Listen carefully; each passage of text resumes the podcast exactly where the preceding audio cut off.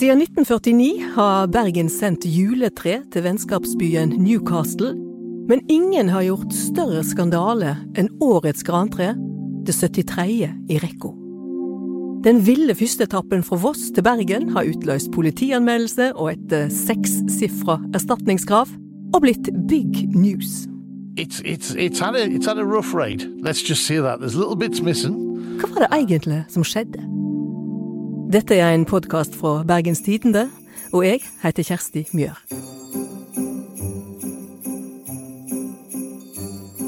Ørjan Nilsson, du eh, jobber som journalist i Bergens Tidende, og torsdag 24. november har du eh, de første ettermiddagsvakt. Det stemmer. Jeg er jo eh, kulturjournalist og, har ikke jobbet en vanlig nyhetsvakt på 10-11 år. Og etter jeg hadde vært her i fem minutter, så fikk vi et tips på e-post med noen bilder og en video. Og hva viste disse bildene? Disse bildene viste et uh, svært tre uh, i en litt for liten tunnel uh, på Stanghelle. Ja, svært tre, det er gedigent. Ja det er det. det. Du ser at det, velter litt ut på, på, alle sider, spesielt på denne videoen. Så ser du det ganske godt, og på bildene ser du òg at uh, treet tar opp i taket og kommer borti en del sånne trafikk trafikk, sånne kjegler og, og skilt. Og rive ned og velte. Ja, vi, den ene tipseren, han, uh, da jeg ringte til han, så sa han det at det, det meide ned alt det kom over.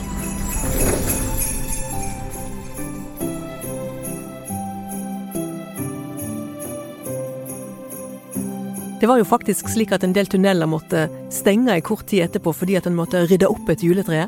Ja, en god del av juletreet lå igjen i vestlandstunneler.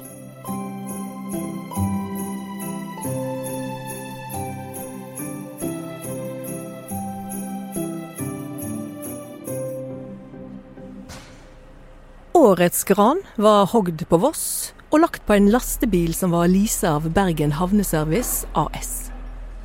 De hadde fått innvilga transportsøknaden om ei bredde på 3,35 meter og ei høgd på fire. Men eh, det er vel grunn til å anta at dette verken var bredt nok eller høyt nok, eh, Ørjan?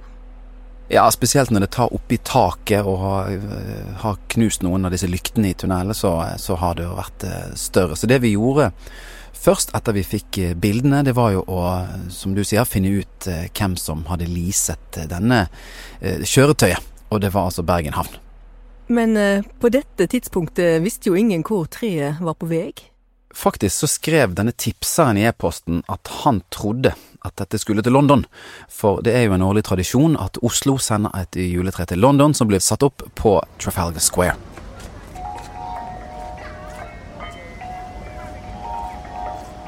Et tre som ofte får litt kritikk for å være litt tynt og pistrete.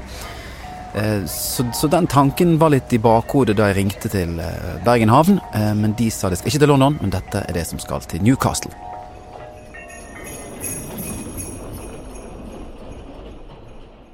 Og det var jo strengt tatt ikke noe tynt og pistrete ved det beistet som lå oppå traileren?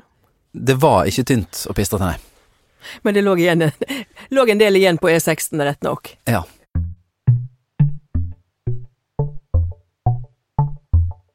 Omgrepet tunnelrensk fikk en ny betydning da juletreet som skal til Newcastle i går, ble transportert fra Voss til Bergen.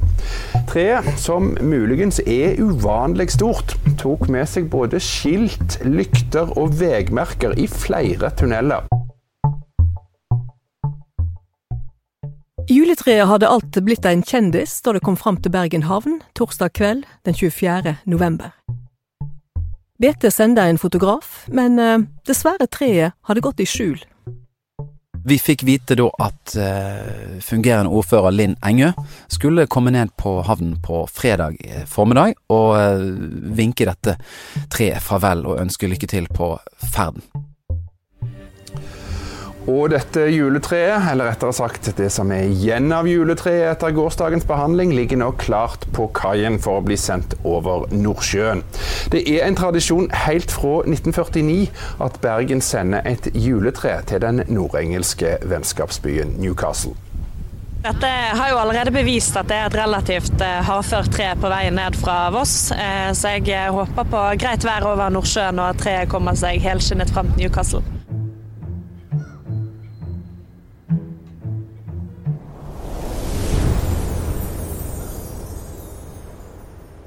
Men hvordan går det med treet etter at bergensordfører Linn Engø har vinka farvel?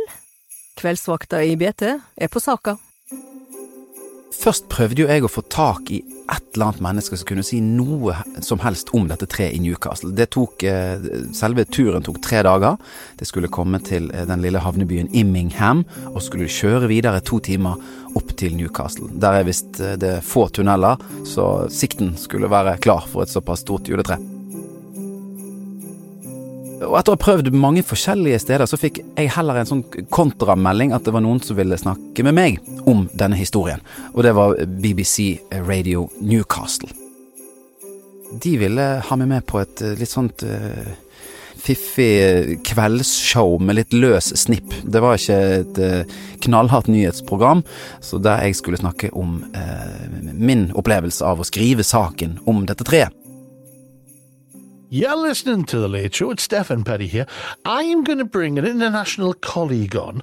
Uh, Oriane, I hope I have pronounced your name correctly, but my accent does not do justice to people's names from Norway because it's, it's, it's very guttural the way I say it. Did I, did I pronounce your name correctly, sir? Almost, but it's as good as it gets. So it's okay. Well, I, I, will take it. I will take that. Now, you are a journalist. Her blir eh, BTs Ørjan Nilsson intervjua av radioverten Stephen Piddy i BBC Newcastle på hans eh, Late Night Show, sendt noen timer etter at eh, treet ble tent i Newcastle torsdag 1. desember. Kvelden før hadde forresten skandaletreet fått trøbbel i tollen, slik at bergensordføreren ei stund lurte på om det blei seremoni i det hele. And yeah. you have been covering over here every Christmas here in Newcastle. We get a beautiful Christmas tree from Bergen. It's been happening for over 70 years. It is it comes as a gift for the support yeah. that was given during the Second World War. Hva var det han lurte på? Altså, er dette treet ei stor greie i Newcastle? Ja, det er en greie, og, og, som jeg har fått inntrykk av, så samles det mange mennesker når det skal tennes 1. desember. Jeg ser det for meg at dette er på en måte Newcastles lysfest.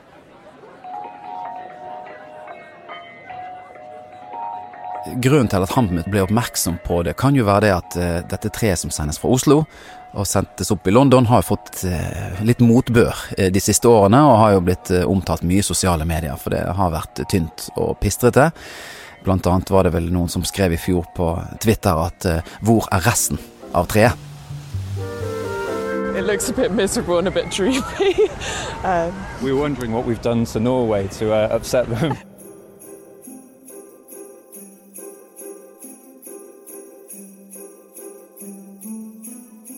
Fjorårets bergenstre i Newcastle blei heller ikke folkets favoritt, og det er ikke så rart, siden det knekte i en heftig storm utenfor rådhuset i Newcastle før det hadde blitt pynta så har norske juletre begynt å få et uh, temmelig frynsete rykte i England, eh, Ørjan?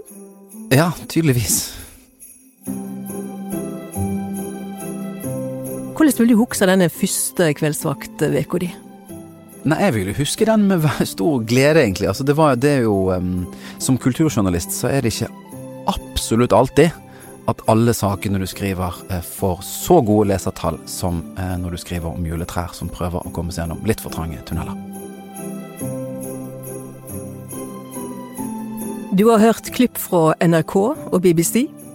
Denne episoden er laga av Anne Offstad, Arve Stigen og Kjersti Mjør. Og hvis du har tips, ris eller ros, så skriv til oss på hva skjedde krøllalfa bt.no.